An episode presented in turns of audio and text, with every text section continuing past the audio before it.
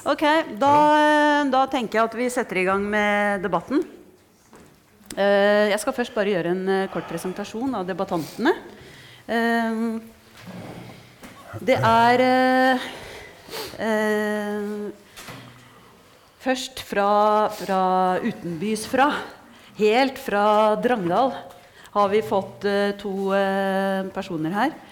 Og det er jo ekstra hyggelig å kunne hilse dere velkommen. Eh, Jan Magne Stensrud. Eh, jeg vet ikke om du er i slekt med vår forhenværende rådmann, men eh, det er for så vidt irrelevant i denne sammenheng. Nei, ikke, ikke, ikke, som, ikke som jeg vet om. Ah, ok.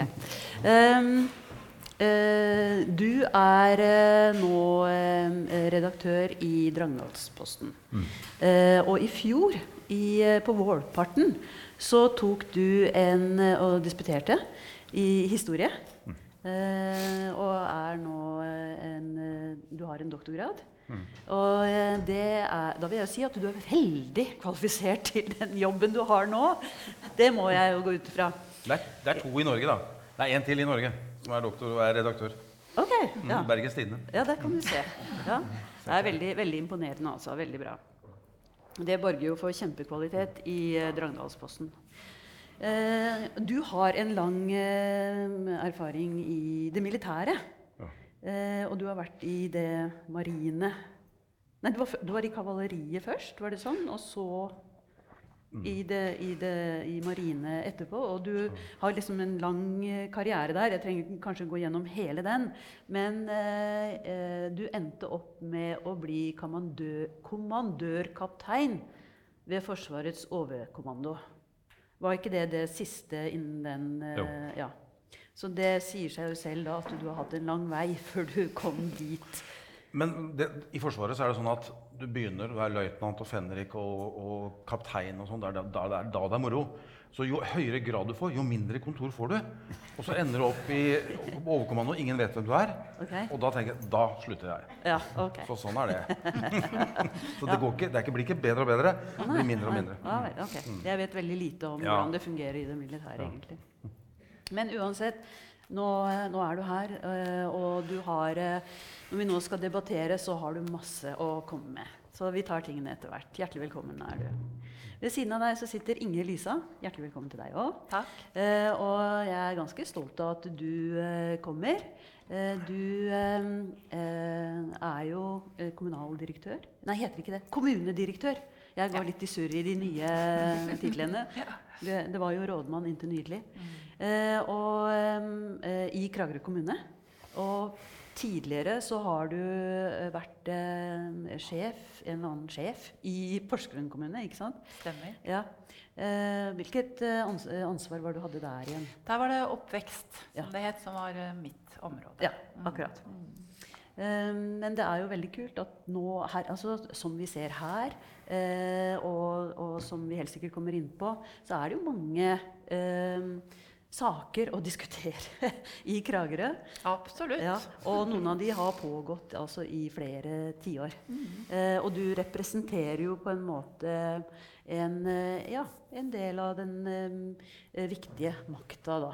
Så her, har du noe, her får du sikkert en del ting, og du har sikkert selv ting du gjerne kunne tenke deg å snakke om. Og så er det Thea. Thea Danielsen Fjørtoft, som er scenekunstner. Eh, og som også er kulturprodusent. Eh, kommer fra Drangedal. Og du har også eh, satt i gang noe på den nedlagte Nesjelandsvatn eh, togstasjonshuset. Ikke sant? Eh, hvor, du, eh, hvor du tilbyr eh, muligheter for kompetanseøkning blant andre scenekunstnere. Er det ikke noe sånt? Ikke helt? Ja, etter hvert skal jeg begynne med det. Etter hvert. Ja, ok. Eh, men nå, du produserer i hvert fall uansett veldig mye. Og vi har jo også her i Kragerø glede av de tjenestene dine, f.eks. ute på Jomfruland for ungdommene. Eh, og så er det Daniel eh, Theodor Jangmar, eller Jangmar Theodor? Nå er jeg spent. Ja. Paulsen. Veldig, veldig, veldig bra. Ja. Imponerende. altså. Og han eh, Daniel er, er designer, arkitekt, skribent eh, og bruktbokhandler. Og han er eh, også eh, veldig ofte en ytrer. Det Jeg foreslo kunne i beskrivelsen til deg, men det, du tok ikke med den. Å nei, det jeg glemte den. Det syns jeg ja. rammer det meste. Ja, ok. Jeg må bare si det også at jeg har den store glede av å jobbe mye med Daniel for tida. Fordi bak disse, disse teppene her, jernteppet, så er det et uh, podkaststudio. Eh, og vi lager podkaster sammen. Eh, med Knut, som går der, som akkurat gikk bak der. Og med Tore, som sitter helt bak der. Vi, eh, vi lager eh, Og Margot er her også, med en annen podkast. Vi lager Kragerøpodden sammen. Og Margot og en annen kvinne og jeg, vi lager Kvinnenemnda. Og den eh, handler jo da om eh, feminisme. Så det var det dagens reklame. Det må vi få lov til. Eh, nå, vi i, nå går vi i gang med debatten, for nå er dere presentert. Og eh, som dere, mange av dere har sett på, på programmet, så skal vi sneie innom ganske mange ting. Og vi får se hvordan det går med hensyn til tid og sånn. Eh, og vil, jeg legger opp til at eh, nå lar vi debattantene få komme til orde. Og så eh, tar vi inn eh, de, om det er spørsmål, kommentarer, innspill fra publikum eh, etterpå. Er det greit? Eller er det noen som har noen innsigelser til det? Ok, da setter vi i gang. Altså ehm, Bygdedyret. Fins det? Eller er det bare en, eh, en, eh, en måte å sette ord på noe som er litt sånn uh, uangripelig, som egentlig ikke eksisterer? Er det bare en Fins bygdedyret? Er det noen som har lyst til å begynne å snakke om det? Bygdedyret fins. Ja, hvordan? Det er ytterst levende og virkelig. Uh, og det, hvis jeg husker riktig, så er det vel han Tor Jonsson som satte ord på dette her på, allerede på 30-40-tallet. Lyriker. Tok dessverre livet av seg altfor tidlig. Eh, men en, eh, han er verdt å lese. Han har skrevet mye godt eh, lyrisk og satirisk stoff. Eh, litt for lite kjent, etter min mening. Han satte ord på bygdedyret som en slags sånt, et fenomen som, som, som virker i, spesielt i små samfunn. Eh, jeg har hatt gleden av, og det må jeg bare si, det er den beste jobben jeg har hatt noen gang, det er å være redaktør i en lokalavis, Drangdalsposten. Og jeg har sett bygdedyret på nært hold. Jeg ser hvordan det virker i et lite lokalsamfunn. Hvordan, hvordan, hvordan fremtrer det? Altså det, um, uten å bli for teoretisk, da, så er det, vi kaller det Jeg kaller det for strukturell makt. Altså Vi har ulike maktstrukturer i et samfunn. Vi har liksom Webersk makt. Det er liksom det der å få noen til å gjøre noe de ikke vil selv. Som en sånn absolutt sånn politi kan ta det og gjøre mye rart. Det er den, sånn, den makten vi tenker på som makt. Men du har denne, denne makten som virker innimellom. Som har tentaklene sine inn i alt. Og det virker i et, sånt, eh, i et sosialt fellesskap. Altså Et eksempel kan være at når, eh, når, vi, når vi skriver en kritisk sak om, eh, om teknisk etat i en kommune, så berører det menneskene som jobber der, selvfølgelig. Og, og, og, det, og, da ser vi at det, dette måten kommentarene kommer til overflaten på, eh, virker på en sånn måte at folk tør ikke å, å ytre seg. De- Mener du de i tekniske etat, eller mener det du mener- det generelle publikum? det kan være slekt publikum? og venner til, til altså I Drangedal så kjenner alle alle. Akkurat som i Kragerø. Kanskje litt mer i Drangedal. Og det å si noe, det å mene noe, det å ytre noe, det er farlig, for da tar du standpunkt. Og, og, og bygdedyret virker sånn at det, det, det skal dempe din mulighet. Eller du skal ikke stikke deg frem og mene noe. Og de, så derfor så blir det mm, For det, det, er farlig å mene noe. Det er fordi at du kan, du kan risikere å, å miste sosial kapital. altså miste, Du mister det sosiale nettverket ditt. Du, du dropper ut av eh, jaktlaget. eh, Fordi de samme personene sitter i jaktlag, de er med i syklubb, og kona er med i syklubben. Og hvis du mener noe her, så kan du risikere at det går utover familien din. altså På en sånn måte du ikke hadde ant var mulig. Ja. Ja, øh, jeg flytta til Drangedal for seks år siden. Kommer fra en annen liten bygd i Hedmark, Finnskogen. Og jeg sier at bygdedyret ikke fins. Bygdedyret er det samme som monster under senga eller spøkelset i skapet. Jeg tror ikke på det. Det er en ansvarsfraskrivelse. Og jeg opplevde når jeg kom til Drangedal Mitt første møte med Drangedal var en ganske kjip opplevelse på ungdomsskolen. Jeg kom dit med en forestilling og skulle spille, og får en eller annen følelse at her er jeg ikke velkommen. Eh, Jeg må bare spille og komme meg vekk. Eh, og det gjorde jeg. Og så noen måneder etterpå så kjøpte jeg et hus i denne kommunen og flytta dit. Um, Det er god start. Smart. Eh, jeg har kanskje en tendens til å eh, gå litt mot strømmen og liker utfordringer. Men å si at bygdedyret fins, og løfte det fram, føler jeg er med på en ansvarsfraskrivelse på bygda. Ja, det er masse kjipe holdninger. Ja, det her går langt tilbake i historien. Ja, vi gjemmer oss bak det. Vi sier at nei, ja, men det bygdedyret, det er et monster. Jeg trenger ikke å ta ansvar for mine holdninger og hvordan jeg ytrer meg. Fordi at dette her er et kollektiv som samler oss, og vi kan bare sitte og slenge stygge blikk til hverandre og småkommentarer. Fordi at jeg er ikke bygdedyret. Det er alt dette her.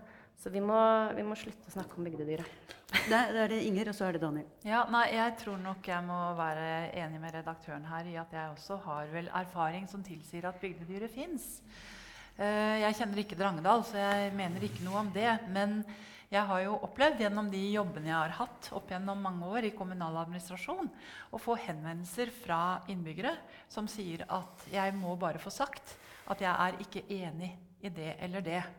Eh, men det er veldig vanskelig for meg å si det høyt andre steder. Fordi det blir opplevd som at det kan føre til en type sanksjoner, sånn som for så vidt du også er inne på, som en er engstelig for. Jeg er uenig med flertallet i bygda der jeg bor, eller ikke sant, på skolen der jeg har elevene eh, eller barna mine, men det er faktisk veldig vanskelig å si det. Fordi det er en, en, en eh, Hva skal jeg kalle det? Altså, det er en forventning i det miljøet du er en del av, at du skal tilhøre det flertallet og fremme de synspunktene. Det motsatte blir for vanskelig. Men nettopp fordi de da finner noen andre veier å gå med sine synspunkter, så beviser de jo at det fins andre synspunkter, og at det er en eh, slags eh, ja, maktstruktur da, som, som, er, eh, som noen opplever som veldig uheldig og ubehagelig. Daniel? Ja, altså Nå som Kragerø er i ferd med å bli mer og mer av bygd, så prøver jeg med alt jeg kan å være bygdedyr sjøl. Altså. uh, fordi det syns, jeg er eh, litt av en verdi. da. Men, eh, eller, men jeg, er veld, jeg er enig med alle, på en måte. Men jeg, synes, altså det, jeg tenker på bygdedyret som noe som Det er liksom et sånt sort hull-begrep. Vi, vi trenger det fordi at det er noe skum... Eller det definerer noe på, på, ved å ikke definere noe. Ved å være sånn ullent og mystisk og skummelt og noe som vi bare aner og har en slags formening om noen hver av oss. Og så, eh, og så lar vi det være med det istedenfor å og, og jeg tror det er liksom, I forhold til det Thea sier, da, så er det litt viktig å gå til Hva er det for noe? Det er noe dritt, det er en uting, det er, og, men, det er, men det er også helt konkret. ikke sant? Og det er jo alle sånne Sånn som eh, mobbesaken som du har kjørt i Drangedal. Det er et forsøk på å gå i strupen og definere og avgrense og vise hva er, hva er det her for noe. Og det går an å vise, ikke sant? Det, det, det, det, er dritbra, det du har gjort. Takk for det. Men eh, jeg, jeg skulle ønske du hadde rett i det. At, og jeg er enig med deg at vi skulle, vi, når vi kan slutte å snakke om bygdedyret er, som noe negativt, så hadde det vært bra. Men altså, bygdedyr det er jo sånn materialisering av janteloven. Altså, hvordan den, Sandemoses jantelov kjenner de fleste. Så det er liksom Hvordan den kommer til uttrykk, og hvordan den virker i et samfunn, det kan være et bygdedyr. Altså, Kjenn din plass. Vær kritisk til alt og alle som er fremmed. Eh, ikke tilgi. Aldri glemme. Dette her sitter inn, Det er en del av kulturen til bygdedyret som ligger og våker over sånn. Men nå har vi hørt filosofen her. altså Bygdedyret har en, en negativ side, men den har også en positiv side. Litt bygdedyr. Sånn som Daniel. Litt, sånn litt, han er sånn litt bygdedyr. Sånn? Ja, altfor mye fra byen her. Altså, ja, litt bygdedyr. det, er, det er på en måte samfunns... Det er sånn oppdragende. Det har et sånt fellesskap. Du skal ikke være dritings på butikken. Ikke sant? Fordi du, det, nei, det er ikke ulovlig å være det. Jo, kanskje det også. Men, altså, det, men det, der er samfunnet med og oppdrar. At man setter rammer for hvordan vi skal opptre oss imellom. Så litt bygdedyr er bra. Litt jantelov er bra. Men når den blir, eh, når den blir destruktiv, da er det farlig. Og det ser vi, det, det har vi episoder av. Derfor kan jeg si ja, det fins. Uh, Thea? Ja, uh, forstå meg rett. Jeg mener ikke å si at eh, Jeg mener at vi skal slutte å snakke om byggdyret. Vi skal slutte å snakke om det begrepet. Det er passé. Fordi mine barn vokser opp og er redde for bygdedyret. Hvor, hva, altså, hva er det her? Og så begynner vi å snakke om det. Så, men det handler jo om hvordan vi kommuniserer. Det handler om hvordan vi er med hverandre. Det handler om verdisyn. Og ved at vi holder ved et sånt bilde av dette bygdedyret, av den store, stygge ulven vi møter når vi går i skogen ikke sant? Så fortsetter vi da å grave, og vi fortsetter på å bruke de begrepene som er veletablerte og forferdelige og skumle, og de er til stede. Holdningene som bygdedyr består av, eksisterer eh, i de aller fleste bygder i dag. Når jeg skulle holde et innlegg på eh, en konferanse i Drangedal eh, for en stund siden, eh, hvor jeg skulle snakke om fremtiden i Drangedal og sier at hvis vi skal snakke om fremtiden, så må vi snakke om her og nå. Vi må tørre å åpne opp øynene og, og se hvor er det vi står, hva, hvilke utfordringer har vi. Vi må snakke om mobbesaken som Drangedalsposten har brakt opp, og som blir tya ned. Tida ned. Eh, når jeg skulle holde dette foredraget, så blir jeg anbefalt om å holde kjeft. Ikke gjør det, Thea, for du har barn som skal vokse opp i denne bygda. Da, da ble jeg jo enda mer Jeg skal i hvert fall rope høyt, tydelig med store bokstaver. Vi kan jo ikke ha det sånn. Vi kan ikke si at oh, jeg møtte på det der forferdelige bygdedyret, og derfor så skal jeg, jeg må passe meg, for det er jo farlig. Jeg skjønner at det kan få konsekvenser, og jeg skjønner at for mange så har det fått fatale konsekvenser. For mange, mange, mange grusomme historier. Men, men vi må legge det dyret dødt og slutte å snakke om det og gå videre. Ok, la oss gå til saken. To the point. Uh, i, altså, nå tenker jeg spesielt på mobbesaken. Mobbesaken. Kan ikke du uh, fortelle litt uh, om hva altså Sett i en sånn ytringsfrihetsperspektiv eh, Hva har det innebåret liksom, av, av begrensninger, avgrensninger, sensur? Forsøk å legge lokk på, osv.? Veldig kort. Mobbesaken i Drangedal er, som, som Thea var inne på altså, det er ikke noe, Mobbing skjer overalt. Det er et menneskelig et fenomen hvor mange mennesker samles, så, så er det forekomster av mobbing i større eller mindre grad i alle samfunn. Ikke bare Norge, men det er bare en, sånn et dårlig gen vi drar med oss. Sånn er vi. Og, og, men i Drangedal så har det vært en kultur for å legge lokk på disse sakene opp, opp gjennom, gjennom årene. Og så har dette akkumulert seg opp til en demning som brast. Og det gjorde den i, i fjor vår, hvor vi skrev den første saken om at tidligere elever går til søksmål mot kommunen og krever erstatning for, for eh, ødelagte liv. Kort fortalt. Og da var det snakk om de første ni, og så et, i dag så har advokaten har vel noe, så rundt sånn 80 saker på bordet. Det er ikke noe unikt med mobbing i Drangedal, men det som er unikt, er at det ikke har blitt gjort noe med. Det har ikke blitt løst opp gjennom tiden. Det har bare blitt forsøkt dysset ned. Jeg har sett dokumentasjon som viser hvordan, øh, hvordan lærere har forsøkt å si nei, ikke, ikke bry deg om dette. Det går over dette neste år, for da slutter vedkommende på skolen.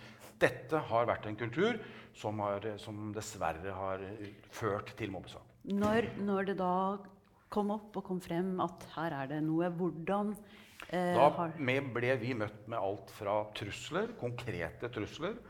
eh, og folk eh, ville si opp abonnementet på avisa, for de mente at dette eksisterer ikke. Dette var jo, det jeg gjorde ved hjelp av trykksverte, det var jo å krenke drangdølingene. Vi snakker om krenkelse. Dette blir jo sett på som en krenkelse fordi det gjør noe med identiteten til de menneskene som bor der. Jeg er drangedøl, jeg er stolt av bygda mi. Og så kommer dette greiene her i avisa. Jeg er jo ikke sånn, jeg. Og så kommer da ikke, når vi, når vi skriver om det, så skriver VG, Dagbladet, Aftenposten, store NRK Alle snak, snakker ikke om Sputnik i Drangedal lenger nå. Nå er det mobbing. Og dette gjør noe med identiteten. Folk blir forbanna, og de blir lei seg og de blir frustrerte fordi de blir krenka. Og da, da, da eh, kommer jo, eh, kommer jo angsten, og så kommer frustrasjonen, og så kommer denne følelsen av stigmatisering, og at drangedølingene er et sånt monster. Og de er jo ikke det. Men dette klarer ikke vi å, å få frem i, i mediene like godt eh, bestandig. Daniel? Jeg bare, eh, bare skyte inn at jeg ser på det som en sånn lissepasning for hele Drangedal-samfunnet og kommunen. Altså det, er, det er åpenbart et problem. Men det burde jo kunne ses på som en lissepasning òg i forhold til hvordan man nå Hva gjør man nå? Hva gjør man med mobbing, og hvordan kan man gå foran som et godt eksempel på en kommune som virkelig tar det her på alvor og gjør noe, gjør noe godt ut av det? Men det er der bygdedyret kommer inn. For det bygdedyret gjør det at de menneskene som sitter med ansvar i dag, det er min oppfatning, det er at de, de leiter etter dette teppet. Hvor det er, hvor, hvor, de har ikke stort nok teppe for å feie dette under nå. For nå er det åpe. Nå må man prøve å, å, å, å dempe dette så mye som mulig. Og, og ikke snakke om I det øyeblikket man sier unnskyld, så erkjenner man skyld, og da er man på, over på noe helt annet. Så fremdeles i dag så snakker man ikke om, om mobbesaken enn som, som påstått mobbing. Dette kommer til å bli eh, Dette ender opp i rettssak, rettssystemet i løpet av 2020, så får vi bare følge med. Ja, og du har jo, eh, du har jo eh, gjort en jobb her med å få dette frem, og du har eh, fått støtte fra Fritt Ord for å eh, grave mer i dette. Og du holder nå på med en bok, eller er rett rundt hjørnet at den gis ut. Ja. Og det er dette som er tema. Eh, eh, og da blir det sikkert redegjort kanskje for eh, mye av, av det du har funnet ut. Eh, I den boka kommer du med noen forslag også til hva man skal gjøre videre? Jeg er Ikke så, nei, ikke så mye. Jeg prøver bare å beskrive hva er det som har skjedd. Og, og, og bygge, bygge, boka bygger på de sakene vi har skrevet i Drangneposten. Ikke bare om mobbesaken, selv om den får stor plass, men vi har skrevet om mange andre saker også som, som er med på å karakterisere hva skjer i et lite samfunn når en avis eh, gjør, eh, tar samfunnsoppdraget på alvor. Vi får pressestøtte, vi er en liten avis, men vi har da samme ansvaret vi som alle andre aviser. Og det er klart, når, Drang, når Drangedal, altså Mine forgjengere, kjempeflinke folk, de har, gjort, de har løst samfunnsoppdraget på, på deres måte. Jeg løser det på min måte. Så ikke noe forkleinelse for det. Men vi går over fra en, en lang periode hvor drangdølingene har kost seg med denne avisa, for den er forutsigbar. Plutselig så er den ikke forutsigbar lenger. Hver fjerde drangdøling jobber tross alt i kommunen yrkesaktiv. Så det er klart at hver gang vi skriver noe negativt om, eh, om teknisk etat eller hemmelige møter, så rammer dette hele befolkningen. Og det er klart at dette, dette jo, føles jo krenkende. Og sannhet, det er det verste du kan skrive om. det. Løgn, fake news, ikke noe problem. Det kan du demontere og feie vekk. bare dumme journalister, de skjønner ikke bedre. Men skriv om sannheten. Det er det verste du kan gjøre i perioder. For den svir. Den kan du ikke endre på. Vi snakker om fake news og, alt og alternative fakta. Men hvis du klarer å holde deg til sannheten, og det mener jeg vi har klart Vi har ennå ikke blitt felt i PFU, eller vært klaget inn for PFU. Og det er jo et godt tegn. Det viser bare at, eh, at dette har skapt litt røre. Det har gått litt bølgelengde. Noen har sagt opp avisa, men det kommer tilbake igjen. da, For de ser at det kan være nyttig å lese litt om sannheten. For dette beveger jo et, eh, beveger et samfunn videre. Men at det er problematisk og vanskelig, ja, det er det. Kommentarer til eh, Jan Magne her nå? Det er vanskelig å være uenig i, selvfølgelig. Det er, for det er en eh, veldig viktig, Jo, stor jobb. Ja. Men, eh, men det, det, den uenigheten blir kanskje veldig lokal, da. Ikke sant? For utenfra sett, herfra sett, eh, med det du bringer frem her, så forstår jo alle at det er lokalavisas ansvar å gjøre det du har gjort. Eh, og du har gjort det. Jeg har bare lyst til å hente en stol til eh, KV. Ja, ja det Så var når vi først snakker om det, Ja. så for KV er jo også her, ja. invitert. De er invitert, så der Ja. sitter de.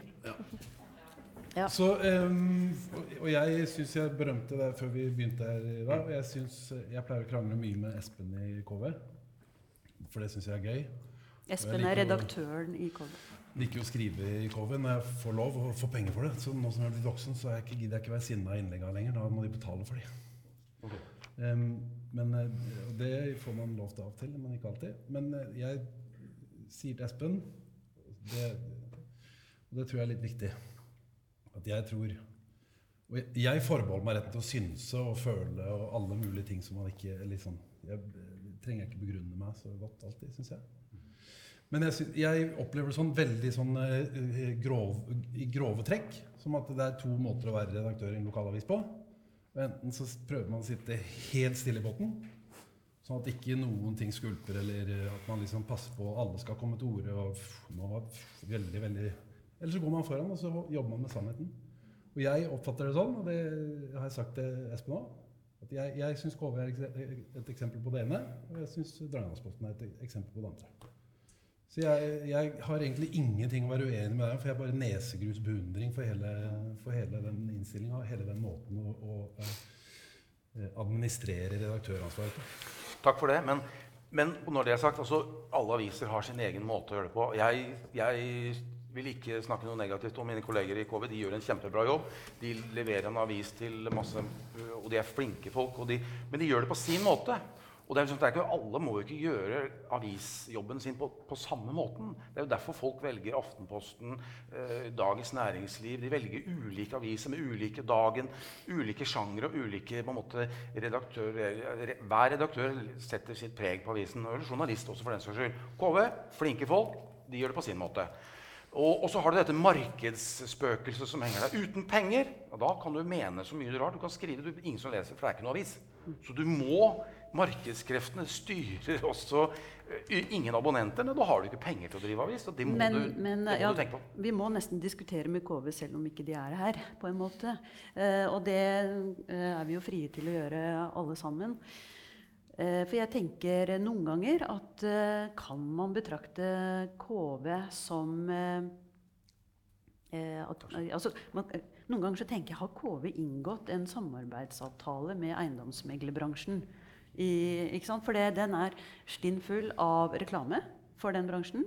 Og de har enormt mange omtaler av salg og kjøp av eh, eiendommer. Eh, på det private markedet og eh, når det gjelder disse litt større investortingene som skjer.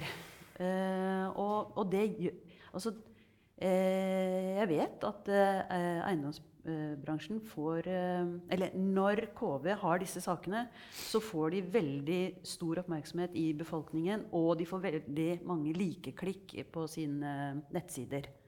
Eh, så det gjør jo altså Det er som du sier, ikke sant, at den den markedsspiralen, da. Eh, men kan man da si eh, at eh, KV tar sitt eh, eh, altså ansvar eh, eh, på alvor? Eh, F.eks. Eh, komme inn på en sak som jeg vet at noen av dere er ganske opptatt av. Når det gjelder eh, utbyggingssaker i, i Kragerø f.eks., eh, så tror jeg det har vært litt frustrasjon over hvordan lokalavisa har eh, møtt de utfordringene knytta til det. Er det noen kommentarer eh, til det? Altså jeg tenker I mitt litt sånn ideelle bilde så tenker jeg at en lokalavis har en, eh, en, mange oppgaver. Eh, men liksom to kanskje noen ganger litt motstridende. Eh, på den ene siden å være det kritiske blikket og kritiske lyset på det som skjer, og sørge for at, de tingene, at det kommer fram. Og på den andre siden også være en bidragsyter til den positive samfunnsbyggingen. Eh, og, og den balansen den er det jo ikke jeg som styrer, det er det redaktøren i avisa som styrer. Men det er klart at vi, jeg kan også ha synspunkter på hvorvidt den balansen er sånn som jeg helst skulle sett at den var. Ja, kan du fortelle litt om hva, hvordan du tenker om akkurat i denne saken? f.eks.? hvordan syns du at lokalavisa har balansert? Jeg har, ikke, jeg har egentlig ikke så lyst til å gå så veldig mye inn i konkrete saker som fortsatt er under arbeid i vår administrasjon. Og som heller ikke er politisk ferdig behandla. Det er litt sånn minefelt eh, for, en, eh, for en byråkrat. Eh, så, men, men mer liksom, på det generelle så er det klart det at det, hvordan lokalavisen vinkler en sak, har stor betydning for opinionen, selvfølgelig. Og påvirker synspunktene i et samfunn veldig sterkt. Uh, og det er vel noe av det, vil jeg tro, at en avis er seg også veldig bevisst og har et, et avklart forhold til hvordan man, hvordan man vil være den aktøren. Eh, og i enkelte saker så kan nok jeg tenke at eh, en lokalavis er med på å gi et eh, ubalansert bilde, eller et bilde som drar for mye i én retning, mens det etter min mening, og kanskje andres mening også noen ganger, er eh, en, altså at virkeligheten er litt, litt annerledes. Eh, men jeg tenker at da fra hvert kommuneadministrasjonens side så blir det litt vår oppgave å fòre både lokalavis og lokalsamfunnet for øvrig med mest mulig saklig bakgrunn for å kunne danne seg de meningene som vi ønsker skal dannes i, byen. ikke sant? Og jeg synes jo Foredragsholderen var litt inne på det også. Hva, egentlig, hva bør egentlig være hensikten med meningsytringer? Jo, ideelt sett så er hensikten å øke min kunnskap om noe. Øke innsikten min i det jeg skal ytre meg om eller ha en formening om. Da fungerer det jo eh, etter min mening optimalt, men i realiteten så oppleves det jo ikke alltid sånn. Vær så god, Daniel. Det var veldig interessant, med, selvfølgelig. Det har vært veldig bra både i går og i dag. Det vi driver med her, er veldig, veldig gøy og veldig viktig. Og jeg liker jo å snakke, så det er helt ideelt for meg. på en måte. Men eh, jeg syns noe av det som Anita sa i stad, eh, handler litt for meg om eh, ytringsfrihetens natur, som jeg mener er kaotisk. Altså det er en viss kaotisk natur, ytringsfriheten. Og det, man, det jeg syns man ser mer eh, eksempler på på lokalplan og hvor som helst, er liksom måten man prøver å eh, kontrollere ytringsfriheten på. Sette den i rammer, og så sier vi at vi, vi skal ha kontroll på denne kommunikasjonen, sånn som, sånn som eh, man ser eksempler på i Kragerø og eh, andre steder. Eh, og jo, jo, større teknologiske muligheter man får til, det, eh, til å kontrollere ytringsfriheten, jo jo mer føler jeg, syns jeg det ser ut som at den, den blir fremheva som et ideal òg. Som et smykke du henter fram og tar på deg istedenfor at eh, Og sånn som er i Kragerø, sånn, sånn, som jeg forstår det, da har man på en måte lagt begrensninger på ytringsfriheten for, for eh, de som er ansatt, og kommunikasjonsbaner eh, mellom de som eh, jobber i administrasjon og politikere.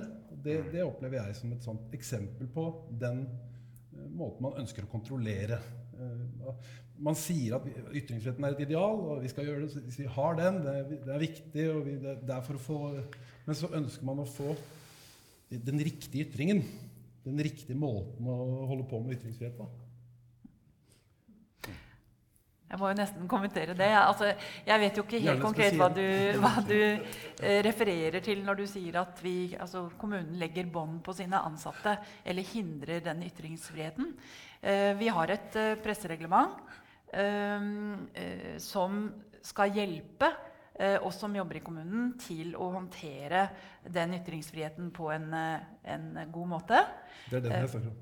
Det er den du snakker om? Ja. Ja ok. Og du mener at den begrenser eller hindrer eh, virkeligheten i å Eller ytringen i å komme? Mener, eller jeg tror jeg spør om det først, og så tror, ja. jeg, tror jeg mener det siden. Ja, nettopp. Ja. Altså, hovedelementet i, det, i, i vår ja, i, i, sånn vi tenker at vi skal forvalte den ytringsfriheten som er udiskutabel, det er jo at det skal være åpenhet, det skal være takhøyde, det skal være rom for å ytre seg. Eh, også selvsagt om forhold i Kragerø kommune, om du er ansatt der. Og så er det litt sånn at det med den ytringsfriheten også følger et ansvar. Eh, og, og det er også en del av det. Eh, hvis man ønsker å ytre seg, og hvis man ønsker å ytre seg om eksempelvis forhold som angår andre mennesker eh, i arbeidssammenheng, så må man også ha et bevisst forhold til det ansvaret som, som, som, ligger i det. Og så har vi pekt på at hvis du er leder, så er du i en litt særstilling. For da blir det ikke nødvendigvis bare ditt private synspunkt som fremmes, men det blir satt inn i den konteksten. At du taler på vegne av noen. Eller at du skal representere noe. Og da må den bevisstheten være enda større på hva er det jeg uttaler meg om. Er det noe jeg faktisk har greie på? Er det faktisk min jobb å gjøre det? Eh, og hva er hensikten? Eh, og den bevisstheten der, som jeg mener vi alle må ha, eh, og som lett kan føre meg inn på annet, eh, en annen ytringsarena, nemlig det også som foredragsholderen var inne på, med de sosiale mediene. Og jeg syns at litt for mange av oss glemmer det. Glemmer det ansvaret. Da er det Jan Magne, og så er det Daniel. Jeg anerkjenner ansvaret, og jeg kjenner det. Jeg kommer fra Forsvaret, jeg har jobbet der i mange år som offiser, så jeg vet hva lojalitet er. Mm. Men vi ser også eksempler på ofte at det er snakk om misforstått lojalitet. I, i, denne mobbesaken som vi nå snakket om, så, så, så ser vi eksempler på at all, all kommunikasjon fra myndighetene skal kanaliseres til én eller to personer. Det gjør vår jobb vanskelig. Fordi vi får ikke frem ytringer fra de som egentlig kjenner problemet eh, på kroppen, og som kan som er, det er mer, mer interessant å snakke med folk som, som vet hva de prater om, enn å snakke med en eller annen Det verste vi vet, er jo pressetalspersoner. De som er ansatt for å kunne snakke med pressen. Vi er jo ikke interessert i å snakke med de. Vi er, jo vi er interessert i å snakke med læreren eller ingeniøren eller, eller legen eller de som virkelig kan dette her. Og så er jo vi også kjent med, med, med, med regelverket knyttet til dette, slik at det er personvern og, og sånn. Det, det, det respekterer vi. Men, men at, at dette med å begrense altså Det å, å, å fortelle noen at du får ikke lov å snakke med pressen, og du får ikke lov å snakke med pressen, det er han eller hun som skal snakke med pressen, det er å begrense ytringsfriheten mitt, eh, fra mitt ståsted. Fra pressens side tror jeg snakker på vegne av pressen. Og det er jo, jeg syns det var veldig fint. Du, er god. Du er god. Synes det var veldig fint, bra og knytter an til det Anita sa. og sånn, Det er jo kjempebra. Men eh, det er jo for, vi som lever i samfunnet, vi forholder oss til et lovverk som begrenser våre handlinger. ikke sant? Men det er jo et forskjell på en lovverk som ligger i ytterkanten, og en instruks som, som folk jobber ut fra. ikke sant? Og i hvilken grad du føler at tvil i forhold til hva du kan si, hva du kan gjøre, hvordan kommunikasjonsbaner foregår. Og i Kragerø så er det jo Så vil jeg jo si at eh, eh, at, man, at man ser mye, mye av det. Og at, man, at det, debatten er mye, mye styrt og begrensa. Debatten er jo ikke et problem. Ja, jeg skulle jo i så tilfelle ønske meg de konkrete eksemplene på hvilke debatter det dreier seg om, hvor kommunen som arbeidsgiver eller organisasjon har, har begrensa noens muligheter for å delta i debatten eller, eller si hva man mener. Som sagt så er utgangspunktet vårt at det er ytringsfrihet, og at det er viktig at den fungerer, men det er innenfor noen rammer. Og om de rammene da er for trange eller feil eller gått ut på dato, eller noe sånt, så er jeg for min del helt åpen for den type innspill. Sånn at det går an å vurdere. Men, eh, men eh, jeg deler ikke helt den oppfatningen av at det er et slags regime her som nekter folk å, å ytre seg. For det kjenner jeg ikke igjen. Så, så godt at vi er uenige. Jeg skulle gjerne sagt noe om spesielle saker, men jeg kan ikke uttale meg om saker som pågår. Så jeg vil gjerne bare uttrykke meg generelt. Takk for den. Ja, vær så god. Altså, Kommunaldirektøren har jo et poeng altså når, det, når det gjelder det å, å, å komme ut med en type altså korrekt informasjon.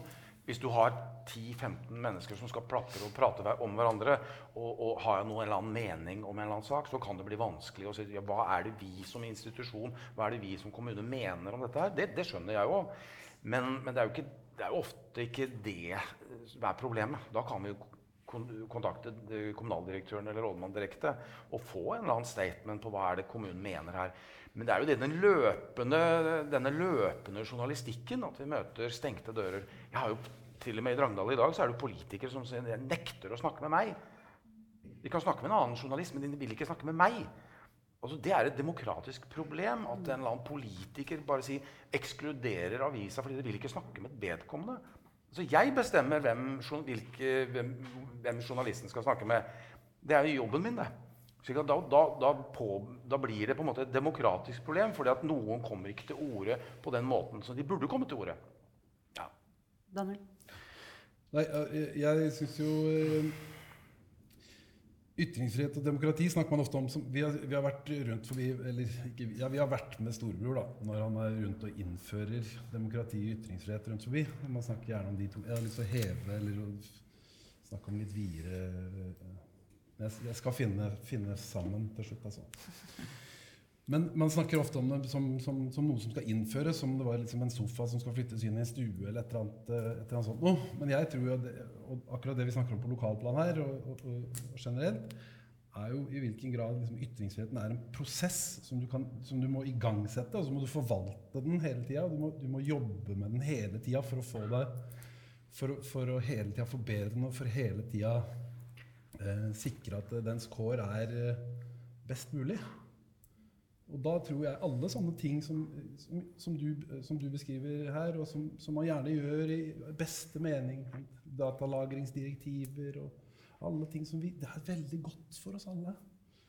Vi gjør det jo fordi at det skal være bra. og Folk i kommunen de, er, de må jo vite sitt ansvar. Og, Men alle de tinga er med på bit by bit proble- gjøre det vanskeligere. Da. Når, når det egentlig ønsker å gjøre det lettere. Jeg bare jeg kjenner ikke til eh, Kragerø. Se her, jeg er så langt fra Kragerø til Drangedal.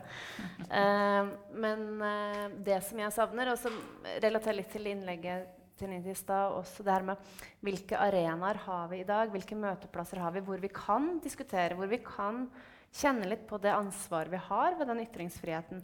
Jeg mener jo det at, som jeg opplever oppe i Drangedal, da, at Nei, jeg, vil ikke uttale meg, jeg kan ikke uttale meg, jeg skal ikke uttale meg. Da stopper diskusjonen, da stopper debatten. Da kan vi ikke bli konfrontert med mitt syn, med mine holdninger. Da møter jeg bare en vegg, da, så blir vi stående der, så blir det tida, og så blir det skyvd under teppet. Og så går vi videre og har glemt. Sant? Og det syns jeg er veldig problematisk i forhold til den lojal... Vi skal være lojale og hyggelige mennesker, men, men med den der lojaliteten man har i sin posisjon, da, at skal ikke barnehagelederen få lov til å ytre seg, få lov til å si jo, hun har lov, men hun føler på en veldig um, lojalitet i forhold til sin arbeidsgiver og tør derfor ikke å si noe. Og så får vi ikke noen debatt. Og det syns jeg er veldig anstrengende. at vi, Man kan si noen ting og skyte noen baller, og så liksom får man ikke noe tilbake. Så blir det ikke noe kamp. Veldig bra. Det jeg kommer på noe som jeg har, har undret Jeg har virkelig gått rundt og, og, og sparka i grusen og lurt på hvorfor. Eh, hvorfor. Hva er, det, hva er det jeg stiller spørsmål hvorfor til? Her For eh, to halvannet år siden så skrev jeg om at eh, Drangedal kommune i sin visdom Nå er jeg litt sånn eh, litt, ja, litt flåsete, men, men de hadde altså opprettet et blydepot etter en gammel skytebane. Ti tonn bly ligger oppi et eller annet sted ved Mokjenn i Drangedal. Og der hadde de da i sin visdom plassert kommunens barnehage. Ja vel. Og dette oppdager vi, og dette finner vi ut, og dette skriver vi om. Og hva skjer? Ingen verdens ting. Så, jeg har snakket med en forsker fra jeg husker ikke hvor det var for noe. Han, eh, så hadde den barnehagen ligget i Bærum, så hadde den vært stengt på dagen. Fordi ytringsfriheten er så nært. Folk hadde bare slått i bordet og sagt 'steng den barnehagen med en gang'. For dette er jo miljøgifter av, altså av rang. Og her må Nei, ikke et kløyva ord, hørte vi. Hvorfor ikke det? Hva er det som gjør Er det bygdedyret? Er det selvpålagte restriksjoner om som du sier, nei, vi skal ikke snakke om ting som er vanskelig fordi vi pålegger altså, Er det ytringsfriheten som er begrensa? Hvorfor ikke et ord? Ikke et leserinnlegg engang. Én var det, men han var fra Belgia. Ok, men eh, ja. mm. Ja, bra. Jeg har bare lyst til å komme inn eh, med litt nå, for det um, vi, vi lever jo i et såkalt tillitsbasert samfunn. Det er vi vant til å tenke om det norske samfunnet. Og det gjelder jo da eh, oss som individer har eh, gjennom eh, eh, vår kultur og utdannelse og oppvekst og hvordan vi er i, i forhold til hverandre, vant til å ha tillit til hverandre. Eh, og eh, vi kan stå i diskusjoner eller i eh, debatter som selvstendige individer som har rett til å bli hørt.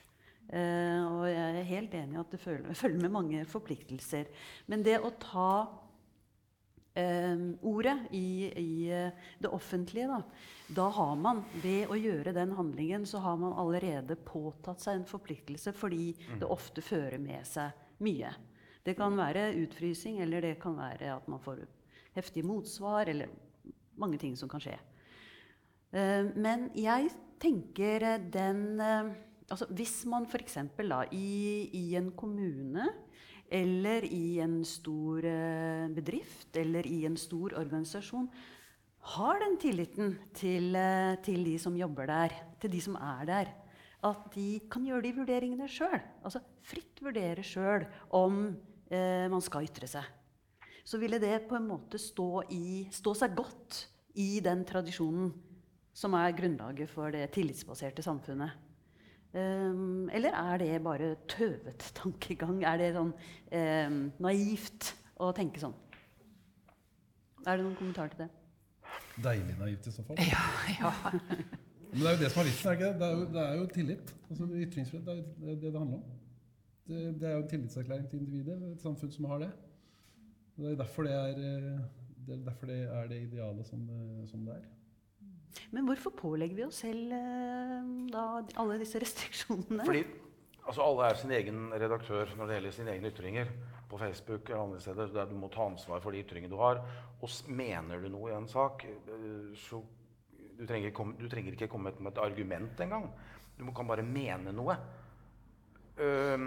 Så tar du et standpunkt, og da må du stå for det. Da blir du, da blir du da plassert i en eller annen bås. Hvis du, hvis du f.eks. blydepot-saken, hvis du mener at det er dumt, så kritiserer du kommunen. Herregud, hvor dumme de er som har bygd en barnehage midt oppi et blydepot, mener du da. Og da må du ta konsekvensen av det. Det kan risikere at du blir ekskludert fra syklubber og, og jaktlag og må bli konfrontert med folks meninger på butikken. Er du villig til å ta den? Ok. Det er bedre å holde kjeft. Da slipper du det. Ja, altså Den beskrivelsen der, den, eh, jeg håper du setter den litt på spissen nå. Ja, selvfølgelig gjør jeg det. For, Ja. for, eh, for jeg håper virkelig ikke det er sånn verken i Drangedal eller, Nei, nei, eh, eller andre steder. Fordi da er vi liksom egentlig tilbake til bygdedyret ikke sant? og de sanksjonene som, som et samfunn har, eller sanksjonsmulighetene et samfunn har, mot de eller den som, som ytrer seg på en måte som, som flertallet ikke liker, eller som, som ikke er akseptert. da. Eh, og det må vi jo motvirke eh, for alt vi, vi kan. Og det, og det er derfor jeg tenker at de, det skal være takhøyde i debattene. Både de som inkluderer kommunalt ansatte, og alle andre. Det er bra. Jeg tror, jeg tror at det er bra. Jeg tror det er viktig. Og jeg mener, min erfaring er at det er i stor grad sånn. Eh, og så er det kanskje naivt òg, da.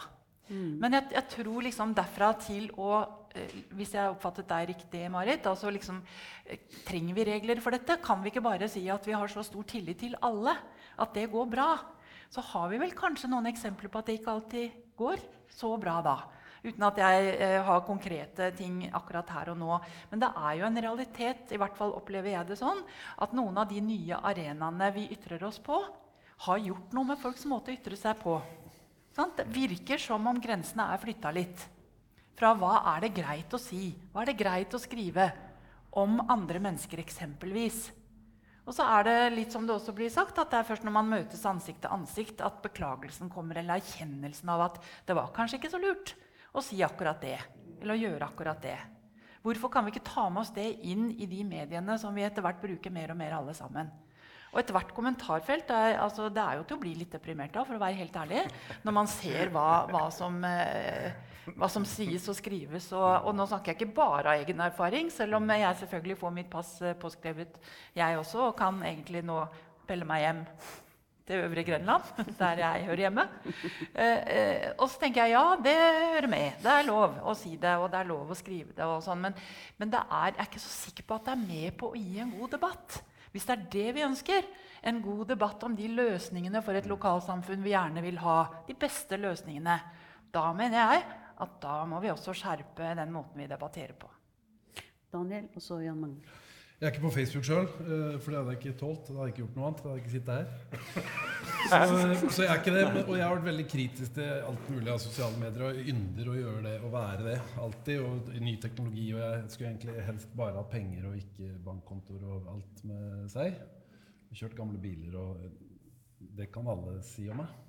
Men jeg må si det, og nå har jeg hørt på Anita i stad òg, jeg må si det at jeg, jeg er ikke så redd Jeg er egentlig ikke så redd for de nye eller det jeg er redd for, er jo om, etabler, om kommuner for eksempel, da, blir skremt til å innføre instrukser på ytringsfrihetens vegne fordi at eh, det har dukka opp en ny teknologi som har så mye barnesykdommer. At folk da syns det er veldig gøy fordi de kan helt plutselig få komme til ytring noen om der. Jeg er ikke så redd for det. altså. Jeg tror ikke det er, jeg ikke det er et problem. Jeg kommer ikke til å være på Facebook, men all ære til de som orker å trolle seg til å holde på der i de lufttette romma. Altså, vi, vi kommer til å ha det, og vi kommer til å ha andre ting. Og den nye teknologien den er truende på mange måter, men det gir også veldig mange muligheter på andre måter. Altså, du har, du har eh, styring fra multinasjonale selskaper, og du har masse skumle ting og kartlegginger og overvåkninger. Men du har også podder både her og der, og du har meninger som kommer, og det dukker opp, og det er kanaler som utfordrer mainstream media, eh, og kommuner og folkeopinioner og alt. Så jeg, jeg er ikke så redd for det. Men det som er skummelt, er hvis, hvis vi voksne begynner å liksom bli redd for for barna, og at vi bruker det som unnskyldning til å innføre både den ene og den andre sanksjonen eller begrensninga. Jeg tror jeg bare sl- Slipp det på. Facebook roer seg. Roer seg. Jan Magne?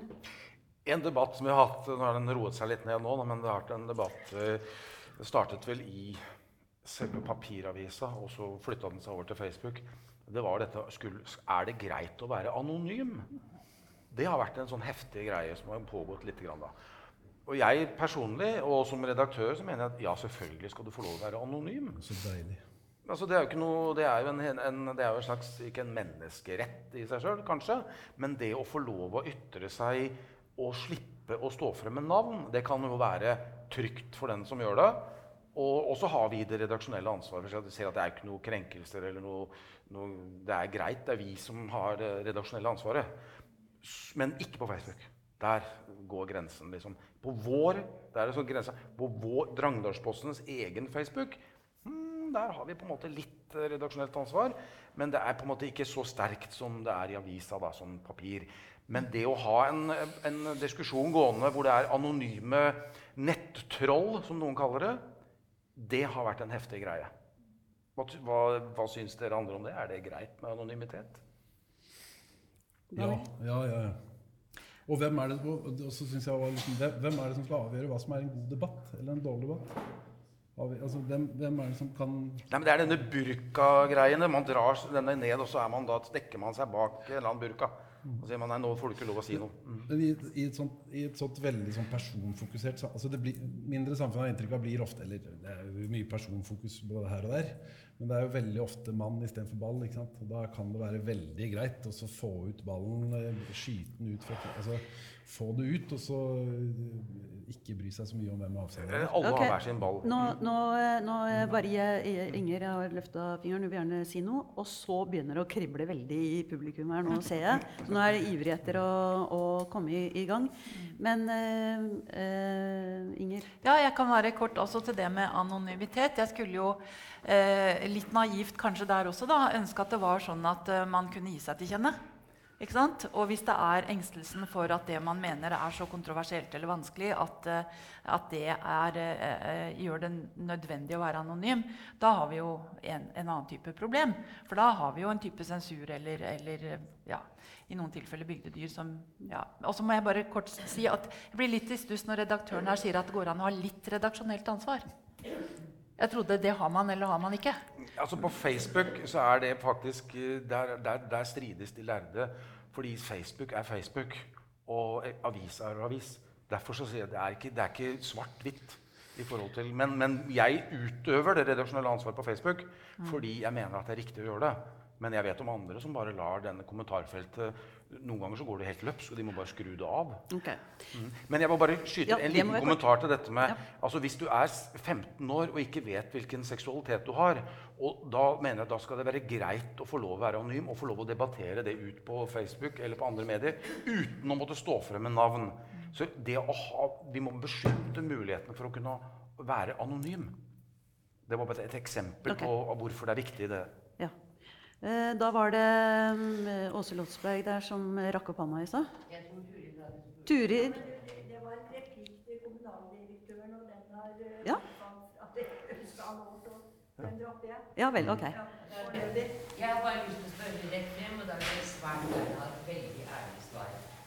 Er det alltid blitt fortalt at hvis du er kommunalt eller statlig ansatt, da får du jo ikke lov til å skrive, mene og si hva du vil. Er det sant, eller er det ikke sant? Ja, nå kom det plutselig mange ting. ja, eh, eh, Aslak, du, eh, har du en kommentar til det Låse sa? Åse sa? Det siste, og så henger det sammen med det som er blitt sagt. Ja, bra. Altså til det siste, det er jo helt feil. Fordi det siste i revisjon av Grunnlovens paragraf 100, da i 2006 eller noe sånt, så ble det understreka i framlegginga av loven at dette ikke på noen måte skulle oppfattes som begrensning av ansatte. Og Derfor mener jeg også det er ganske vilt at Kragerø kommune opprettholder reglement for ansattes kontakt med media. Fordi det heter, det heter ytringsfrihet. Og en frihet, det har du ikke innenfor visse rammer som andre setter. En frihet må du sette sjøl. Ok, Da er det Inger, Jan Magne og Åse igjen. Ja, Det var jo et direkte spørsmål eh, til meg. Og eh, nei, det er ikke riktig at, at våre ansatte ikke kan eh, ytre seg om, eh, om det de vil. Kan jeg da få lov å spørre, er du da også ganske sikker på at ikke det ville få konsekvenser for den ansatte som kanskje kom med en ytring som ikke ble likt i Kragerø kommune? I videre f.eks. få en bedre stilling, eh, avansere i et eller annet, at det ville bli innskrenkelser, at da førstemann måtte gå. Ja, altså det, Hvis du spør om, om noen blir straffa eh, for å Ja, ikke sant? Så, så må jeg jo svare nei på det. At Det har jo vært tusener av bevis. Ja, OK. Det, det, det, det kjenner jeg ikke til. Jan Magne? I et ideelt svar på det, i et, I et ideelt samfunn så er det ingen som blir straffet for det å si sin ytring. Og det er jo helt riktig som ble sagt der, paragraf 100 den berammer ytringsfriheten i Norge. Og, og det er lov å, å snakke med pressen. Du har, du har lov til å snakke om din egen arbeidsplass, men man, du må skille mellom forretningshemmeligheter og hva som, er, hva som er beskyttet av annet lovverk. Det har du selvfølgelig ikke lov til å uttale om, men alle har lov å uttale seg om egen arbeidsplass. Om du jobber i stat, kommune eller hva det er. det er ikke. Men i praksis så fungerer det ikke sånn. For i praksis så kommer dette lille bygdedyret, eller det kommer noen sånne Du kan ikke altså det, all, all praksis viser jo det at hvis du uttaler deg kritisk om egen arbeidsplass, og gjør du det tilstrekkelige ganger, ja, så kan du bare drite i den karrieren. Fordi du blir sett på som en person som ikke, er, eh, som ikke fremmer eh, det idealet for egen arbeidsplass osv. Dette er ja, ja. Nei, men uansett, jeg snakker ikke om sladder. Jeg snakker Nei, ikke om sladder. om ting som er som bør tas opp, som ikke blir tatt opp. Og og da, men med andre ord, da lever vi ikke i en ideell samfunn. I den mobbesaken som vi snakket om tidligere, så har jeg mange konkrete eksempler. Jeg vil gjerne ha lærere i tale, men de, de får ikke lov. Hvem får ikke lov av? Det mm, Det er på en måte Det, er, det, er, det, blir- lagt, det blir lagt lokk på hva som får lov jo det. Ja. Er jo riktig som Inger Lise sier. Jeg skal ikke snakke om hvordan det er i Kragerø. Jeg bare sier min erfaring som avismann det er at jeg møter dette til daglig. Og jeg møter folk som sier 'Nei, jeg får ikke lov å si noe'. Jeg, 'Nei, jeg tør ikke å si noe'. Fordi da går det utover meg og min stilling. Eller min familie. Men da er jo hele debatten om ytringsfrihet eh, absurd. Nei, den er enda viktigere enn noen gang. Ja, men Ja, ok. Eh, men det er det. Det er altså, eh, som eh, Inger Lysa akkurat har fortalt, at Kragerø kommune har sitt eget reglement. De kan velge å ha et annet reglement. Eller ikke noe, eller Eller, ikke noe. eller ikke noe. Altså det, så det er forskjell fra kommune til kommune. Eh, og, og Frank Aarebrot, den avdøde historikeren, eh, nei, statsviteren, han påpekte jo det at det var sant, rådmennene med deres forskjellige måte å hva skal vi si, legge til rette for ytringsfrihet, den, eh, den uh, har gjort at uh, det har blitt altså det har blitt innskrenkninger i, uh, i ytringsfriheten. Og det, det, altså det, det er måter å utøve den muligheten for å begrense ytringsfriheten. Den finnes. Hva sa du? Hvorledes skal vi da få forandret det? Ja, altså det, det er jo det som da må være en del av debatten. ikke sant? Og det vil jo være i de interne kommunale systemer osv. Og, og også blant folkevalgte, og at vi selv eh, interesserer oss for denne debatten. Eh, da er det Turid, som du heter, og Jan Magne. Men selv om Kragerø kommune har sitt eget reglement, så kan jo ikke det gå ut over eh, det som er eh, lovverket. Det er ting. Og som en vanlig innbygger i Kragerø kommune, så har jo jeg vært en av de som sitter med en følelse av at det er ganske meget i Kragerø kommune som foregår i det hemmelige rom. Det har vi jo etterlyst nå flere ganger. egentlig. Har du lyst til å komme med en kommentar til det, Inger? Eller, eh? Ja, jeg, jeg eh, blir jo møtt med, eh, med det synet enkelte ganger. At, det er, at ting foregår i, i lukka rom. Eh, og eh, det er veldig viktig at når noen har et inntrykk av det, at det blir sagt. At det kommer fram, sånn at det kan sjekkes ut om det er riktig eller ikke. Generelt så vil jeg si at en kommune er underlagt en veldig stor grad av krav til åpenhet. Det ligger i lov og regelverk som Kragerø kommune også skal følge. Og Så fins det unntak også, men det er de få. Hvor det av ulike grunner er nødvendig å ikke åpne opp alt for offentligheten. Men hovedprinsippet der er åpenhet og transparens. At enhver skal kunne få innsyn i det som foregår i en kommune, og grunnlaget for de beslutningene som tas. Så sitter ikke jeg og sier at det alltid foregår på aller beste måte. Heller ikke i Kragerø.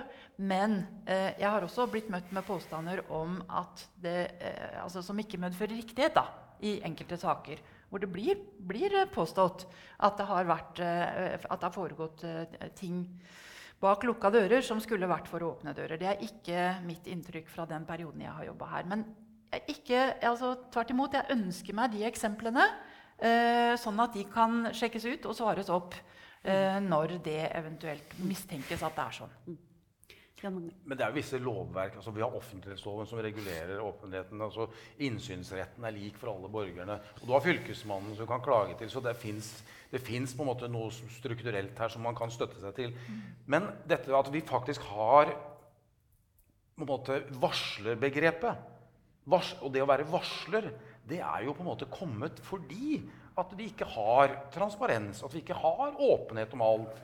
Så svaret på det spørsmålet som kom her altså ut, Hadde det vært så åpent og ideelt som vi hadde ønsket oss, så hadde vi, ikke- da hadde ikke hatt varslerbegrepet.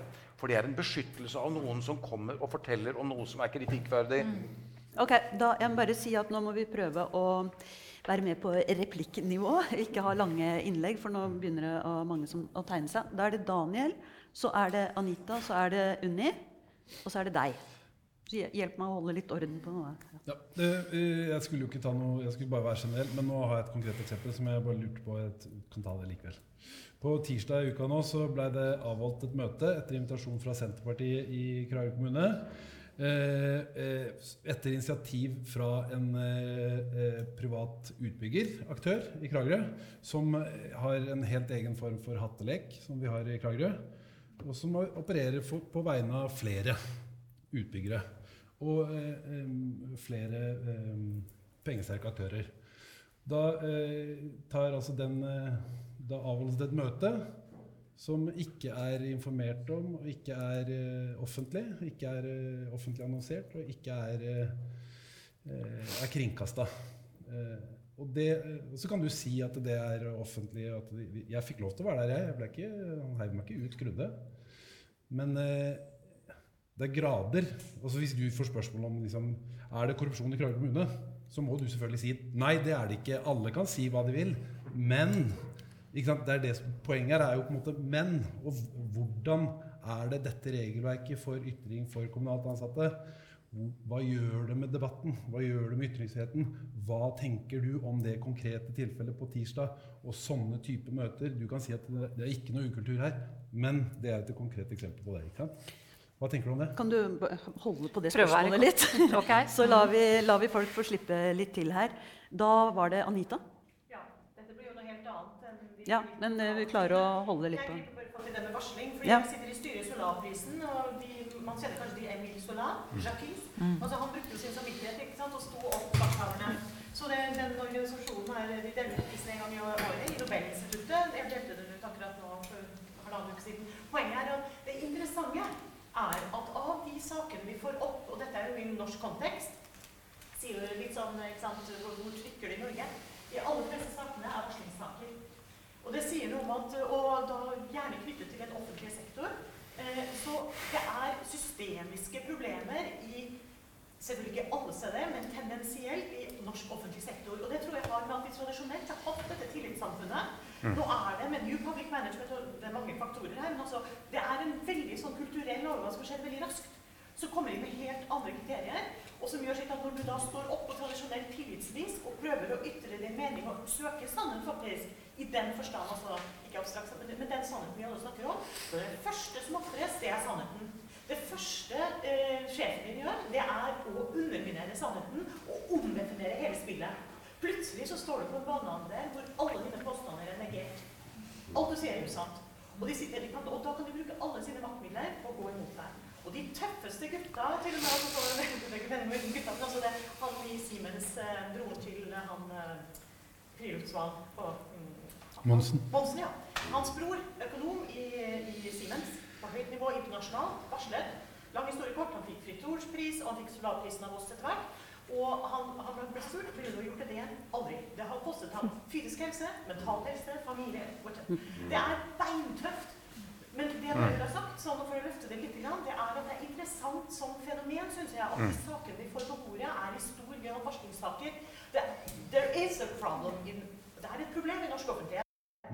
Du får bare lov å holde så lange innlegg fordi du er så flink. ja, men det er interessant. Ja, Det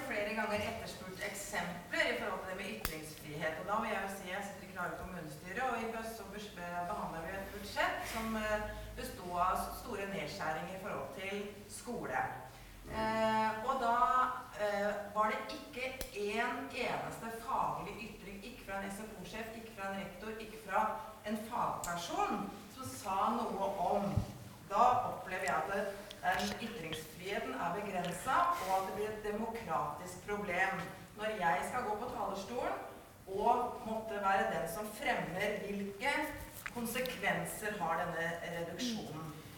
Og eh, sånn at eh, jeg må, jeg må i hvert fall si at jeg som politiker opplever at den begrensninga som er lagt på rektorer, på de fagsjefene i Kragerø kommune, begrenser debatten, som ville gjort at man hadde fått en annen debatt i kommunestyret. Ok, Uh, da var det deg. Jeg vil gjerne tilbake til lokalpressen, ja, som jeg fremdeles tror har den største, eh, bredeste utbredelse, mest leser her i samfunnet. Er det noen fra KB her? Nei, dessverre. Det syns jeg virkelig er, er dårlig. Det var Kragerø hadde en liten spalte som het En stemme i telefonen. På tråd. På tråd var det, ja. Og den var anonym. Ja. Men den, min mor var ofte der. Og nå er hun ikke anonym lenger. Det var den anonymiteten borte. Det var men hun, hadde et varierende humør. Men Ja. legen hennes, når han så den stemmetelefonen, så visste han han måtte kalle henne inn. Nok om det. Ja.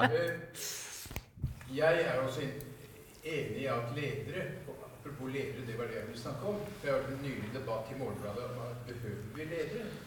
Kragerø har ikke ledere. Jeg undersøkte over et helt år på denne B13-saken, som jeg absolutt Mm. mener at Kragerøs befolkning ikke ble løpende orientert om hva som foregikk bak, bak veggene på rådhuset. Og jeg gikk jeg gjennom KV hele siste årgang. Jeg kan i hvert fall ikke finne noen ledere, noen kommentarer, og de behøver ikke ha noen mening. De kan i hvert fall orientere samfunnet om hva som holder nå på å skje, og forklare hva som holder på å skje i kommunen om dette bygget. Og det har, har jeg ikke funnet. Kan gi deg et tekst? Du kan, begynne, Har du du kan få et konkret, du kan bli abonnent på Drangedalsposten, så kan du få lese lederen. Men eh, da har jeg bare lyst til å gå over på eh, Ja, du fikk et direkte spørsmål. Det må du få lov å svare på. Mm. Eh, altså Det møtet som det ble referert til, det var jo et politisk initiert møte. Så det har ikke hatt noe med meg direkte å gjøre. Det er viktig for meg å si. Men, men eh, jeg registrerte jo eh, diskusjonene rundt hvorvidt det var greit eller ikke greit av et politisk parti å ha en dialog med en konkret utbygger. Eh, og det jeg tenker hadde vært ugreit, det var hvis ingen visste at dette møtet fant sted. Men så vidt jeg vet, så gjorde det det. Så vidt jeg vet, så ble det for det første eh, invitert bredt til møtet. At alle andre i tillegg til medlemmene i dette partiet var velkomne. Og samme invitasjon ble sendt til lokalpressen. Og, og, og mitt utgangspunkt er at det som foregår i åpenhet, det bør være greit. Jeg hører at det samme partiet sier at de også kommer til å snakke med andre med interesse i den samme saken. Altså skaffe seg informasjon fra flere hold. Da er det vanskelig for meg personlig å se at det er eh, direkte liksom, uforsvarlig. Okay, En kort kommentar til det, så skal vi drive debatten videre her. Nennsom omgang med sannhet og virkelighet eh, til, bare til å applaudere. Eh, Det er selvfølgelig masse snakk om og masse uenighet med det. Men veldig godt gjort, altså. Eh, Undersøk det sjøl, alle sammen. Tenk, eh, tenk over hvordan det funker. Men det er litt feil å arrestere rådmannen for hva politikerne gjør. Ja, men det påpekte hun også selv. Jeg spør Ja. en kommentar på en kultur. Ikke sant? Og hvis du da svarer med noe som er helt trill rundt, så tar, da svarer du ikke på spørsmål, da. Uh, jeg er sånn uh, moderator, så jeg får lov å bestemme. Ja, det er så deilig. uh, og da har jeg tenkt å gå litt over på dette her med selvsensur. Eh, og det henger jo, altså Vi har for så vidt vært litt innom det når man føler at bygdedyret blir for sterkt, hvis, hvis det finnes, eh, og, og man eh, setter lokk på seg selv for å ytre seg. Men i går så hadde vi besøk av Kate Pendry. og Hun er en eh, scenekunstner. Og hun fortalte om en performance som hun har planlagt lenge. Eh, og den skulle handle om han eh, som har kommet inn i de kongelige rekker, han Durek. Durek. Shaman Durek.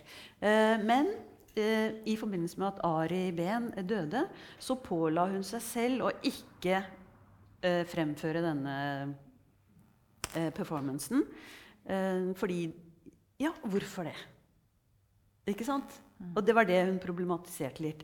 For da, da sensurerte hun seg selv. Altså det, det passer seg ikke, det er dårlig akkurat nå. Og sånn driver vi på. da. Vi, vi forholder oss liksom til eh, omverdenen hele tida.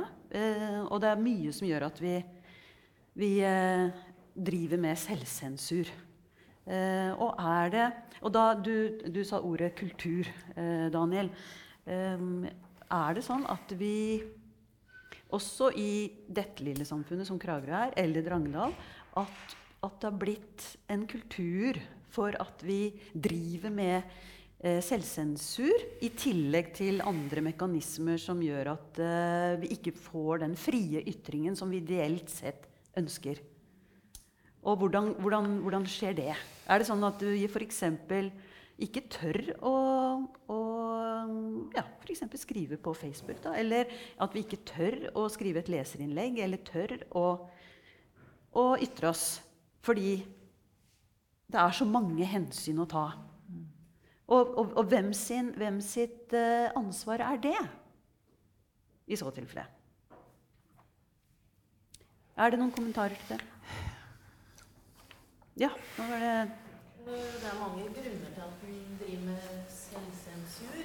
Men jeg tror det er litt sånn i alle mennesker at vi ønsker å, å please andre og være godt likt. Og vi ønsker å ha det trygt. Og med en gang vi ytrer oss noe som er upopulært, så, så får det en innvirkning på livet vårt.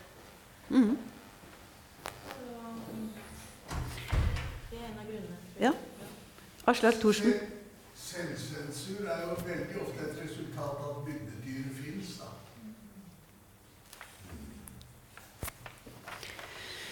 Eh, Jan Magne Bare det eksempelet jeg hadde i sted med denne barnehagen som ble bygget midt oppi et blydepot, og du ikke hører et knyst fra noen. Ikke foreldrene som er i barne, har barn i barnehagen, ikke fra de ansatte. Ingenting. Da er jo dette da er dette liksom det, det er jo ikke noe annet enn selvsensur. For det er jo ingen fornuftige mennesker som, som, som syns det er greit å ha ungene sine tuslende rundt i bly. Da var det Inger, og så er det Anita. Jeg synes Det kommer litt an på hva du mener med selvsensur. For jeg har vel vært inne på at jeg i noen sammenhenger syns det bedrives for lite selvsensur. Altså at det å være seg sitt ansvar bevisst når man ytrer seg, at det er det kanskje noen som burde gjøre litt mer. Eh, men hvis, altså sensur, begrepet sensur klinger jo ikke godt. Vi ønsker jo i utgangspunktet ikke det, med den betydningen det har at man ikke får lov til ikke sant? å mene eller si. Og det er jo ikke det jeg tenker på når jeg sier at eh, både og. Men jeg mener litt både og. Jeg tror at mange av oss har godt av å gå en liten runde rundt huset før vi trykker på send.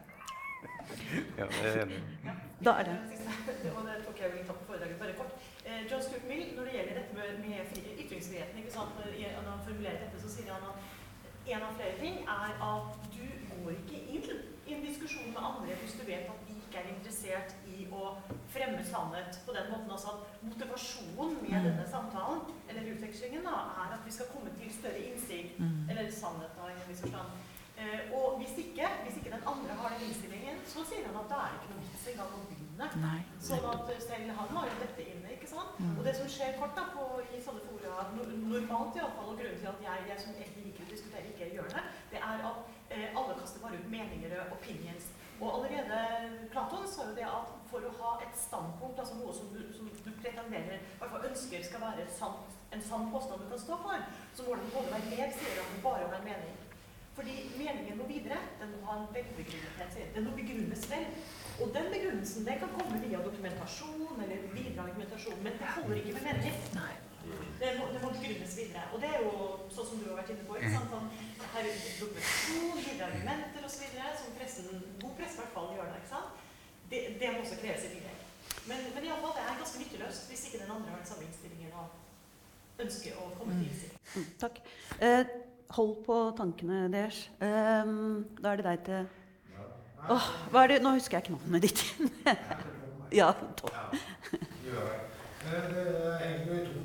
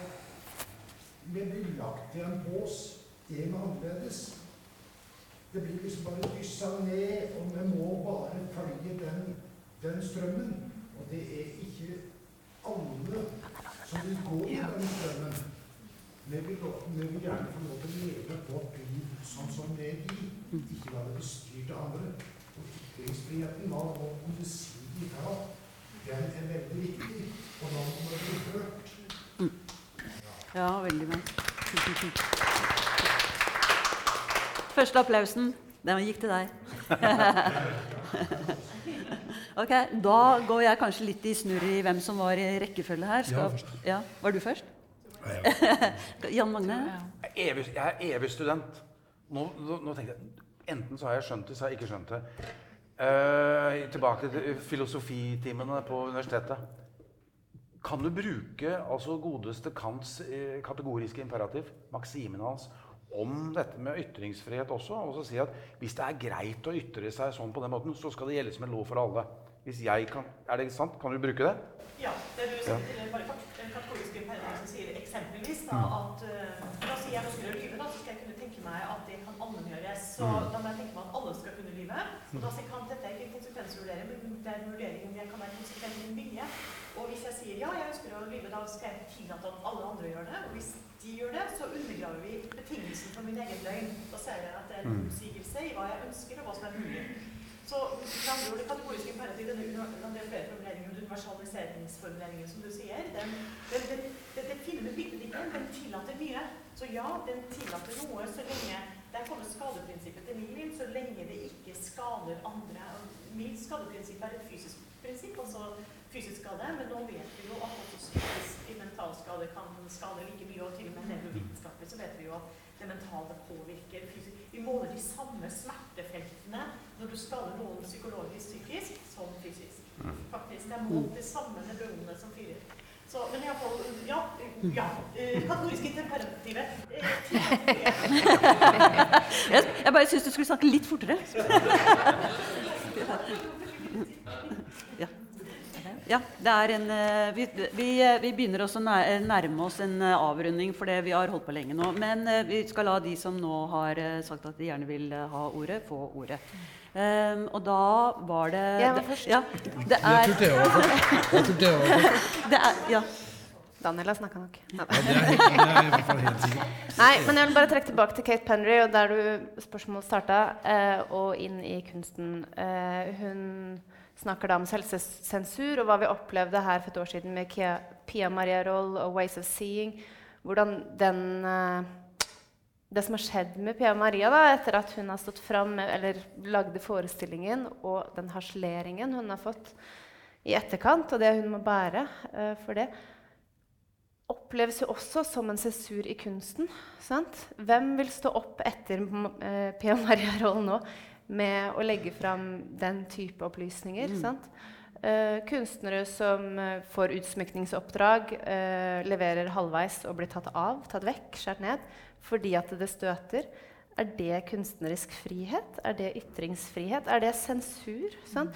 Og jeg vil gjerne spille litt uh, ball med kamerat ved vinduet der, eh, det her med mangfold, å være annerledes.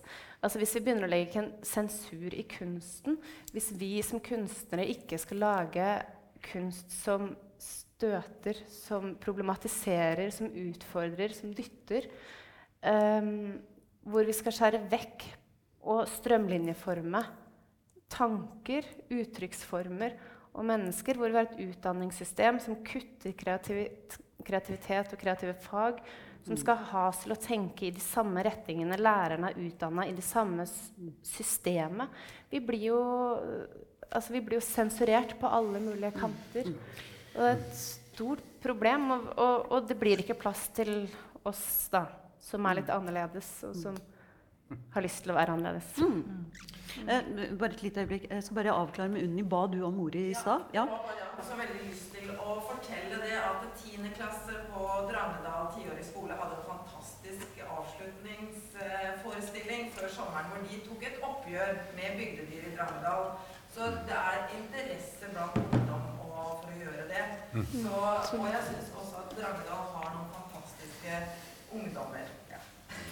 Da er, det, da er det sånn nå at Daniel eh, får siste ordet i denne omgang. Hvis det er eh, Er det greit for dere eh, at vi avslutter? Hvis noen syns Ja, Knut? Jeg sitter og lurer på en ting. For dette bygdedyret, det tenker jeg at det, det burde vi kanskje ha på et senere tidspunkt. En diskusjon om å prøve å analysere hva det består av. At du finner bestanddelene sånn at vi kan angripe det litt på en mer sånn konkret måte.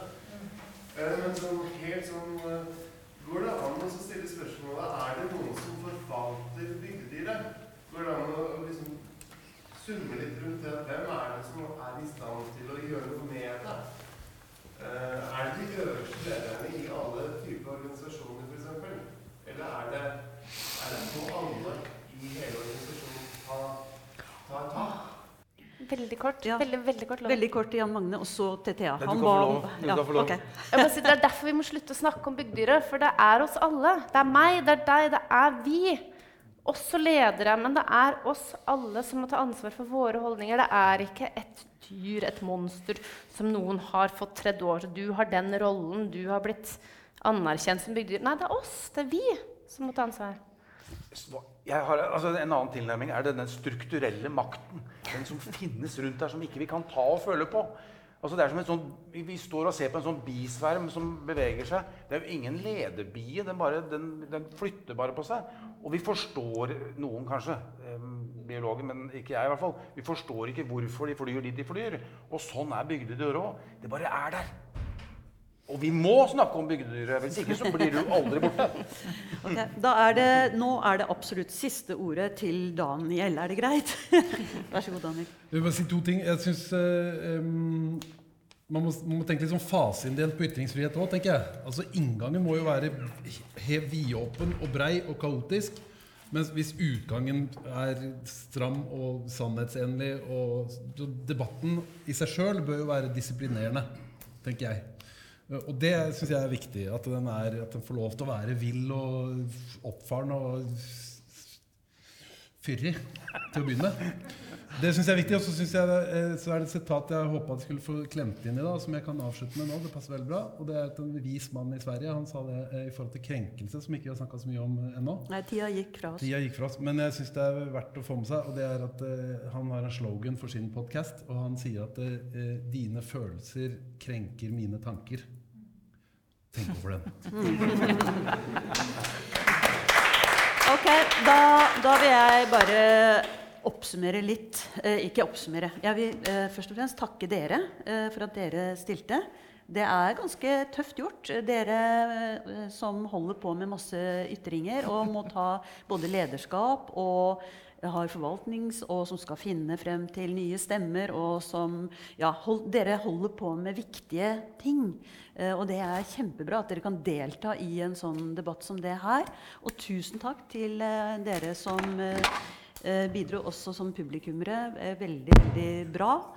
Eh, og så syns jeg at det kom en helt spesiell beskjed her, som jeg beit meg merke i. Og det siden jeg får lov å eh, Eller jeg kan bestemme at jeg skal ha ordet. det, det er det som Unni sa. Altså at hun rett og slett som politiker etterspør eh, mulighetene for å komme i dialog med sine egne beboere, på en måte. Det i, i forhold til bestemte saker, som du nevnte, en skolesak, det syns jeg er eh, Det syns jeg var et veldig viktig eh, innlegg som er eh, veldig avgjørende for et lite lokalsamfunn, etter min mening. Så det var bare min eh, sånn helt på tampen her. Men tusen takk igjen, alle sammen, og takk for nå.